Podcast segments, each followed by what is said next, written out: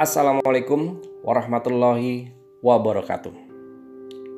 Maraknya penggunaan media sosial pada saat ini semakin menyuburkan munculnya para social climber.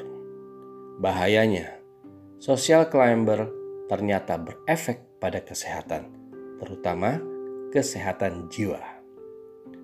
Social climber tidak sungkan melakukan berbagai cara agar statusnya di lingkungan sosial meningkat sehingga mendapatkan berbagai privilege yang diinginkan dan terlihat hebat di mata orang lain dalam mencari pujian yang kemudian dipamerkan di media sosial.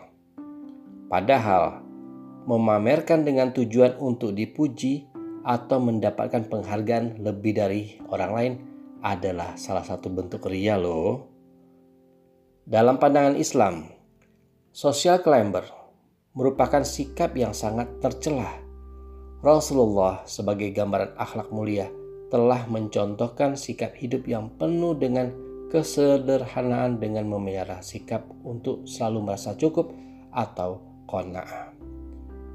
Allah berfirman dalam Al-Quran surah Al-Qasas ayat 76 yang artinya, Sesungguhnya Korun adalah termasuk kaum Musa, maka ia berlaku aniaya terhadap mereka dan kami telah menganugerahkan kepadanya perbendaharaan harta yang kunci-kuncinya sungguh berat dipikul oleh sejumlah orang yang kuat-kuat.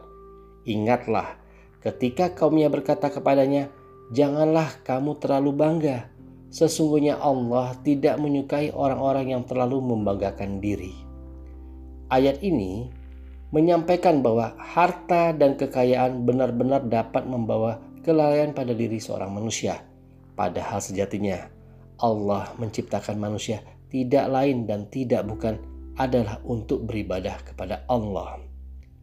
Beribadah yang dimaksud adalah menjalankan segala perintah Allah serta meninggalkan segala hal yang membuat kita jauh dari Allah, termasuk hal-hal yang bersifat keduniawian seperti bermegah-megahan dan bermewah-mewahan. Bangga dan menunjukkan hasil dari kerja keras mungkin bisa menjadi motivasi bagi orang lain. Tetapi jika kebanggaan itu sampai berlebihan hingga menjadi rentetan kebohongan hanya untuk dilihat orang, itu harus dihindari. Karena kebohongan yang berlarut-larut demi mengejar pengakuan orang lain bisa memicu depresi atau masalah kesehatan lainnya. Ingatlah, kebahagiaan itu terletak di hati, tidak membutuhkan puji dan sanjung. Semoga bermanfaat. Wabillahi taufik walidayah. Wassalamualaikum warahmatullahi wabarakatuh.